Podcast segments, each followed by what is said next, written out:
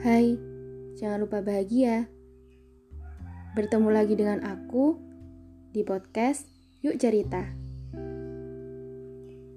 Tentang waktu, duduklah sebentar. Rasakan apa yang sekarang benar-benar terjadi. Jangan menghindar, harus dihadapi. Kemudian, jangan diratapi. Kamu memiliki jutaan mimpi yang sedang dinantikan banyak orang untuk saling membantu menghadapi kerasnya dunia.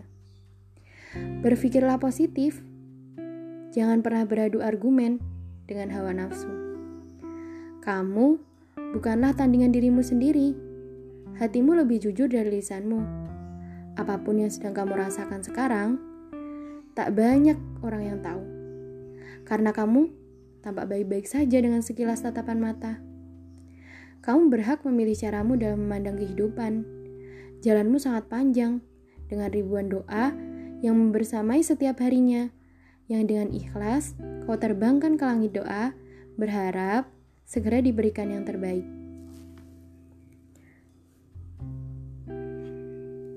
Sejenak kamu perlu memejamkan mata dan menyendiri mencari tempat sepi untuk merasakan dan memahami seberapa kuat dalam menghadapi cerita esok yang tak pasti adanya. Segala yang baik akan berpulang pada kebaikan. Apa yang kamu kerjakan sekarang, di mana pun, kapan pun, dan dengan siapa kamu melaluinya, akan terselip kisah-kisah yang entah berending ataupun berakhir dengan keambiguan. Tuhan tidak akan pernah menyakiti hambanya. Takdirnya yang indah dan doa-doa yang istiqomah kau lantunkan setiap sujudmu akan segera terjawab nantinya. Berat ringannya penerimaan terhadap jawabannya tergantung caramu dalam menerimanya. Kamu butuh sesekali menangis untuk sekedar bersedih, dan itu dapat meluluhkan hatimu dengan kerasnya penerimaan.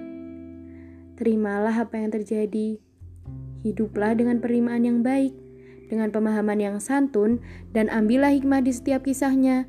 Belajarlah untuk selalu mengerti bahwa kamu tidak sendirian menanggung beban yang semakin berat adanya. Jangan pernah lupakan Tuhan. Tuhan akan selalu menemanimu di mana pun, kapan pun, bagaimanapun keadaanmu. Tuhan adalah sebaik-baik penenang, risaunya hati yang selalu gundah dengan doa yang belum dikabulkan. Bersabarlah, semuanya butuh waktu. Terima kasih.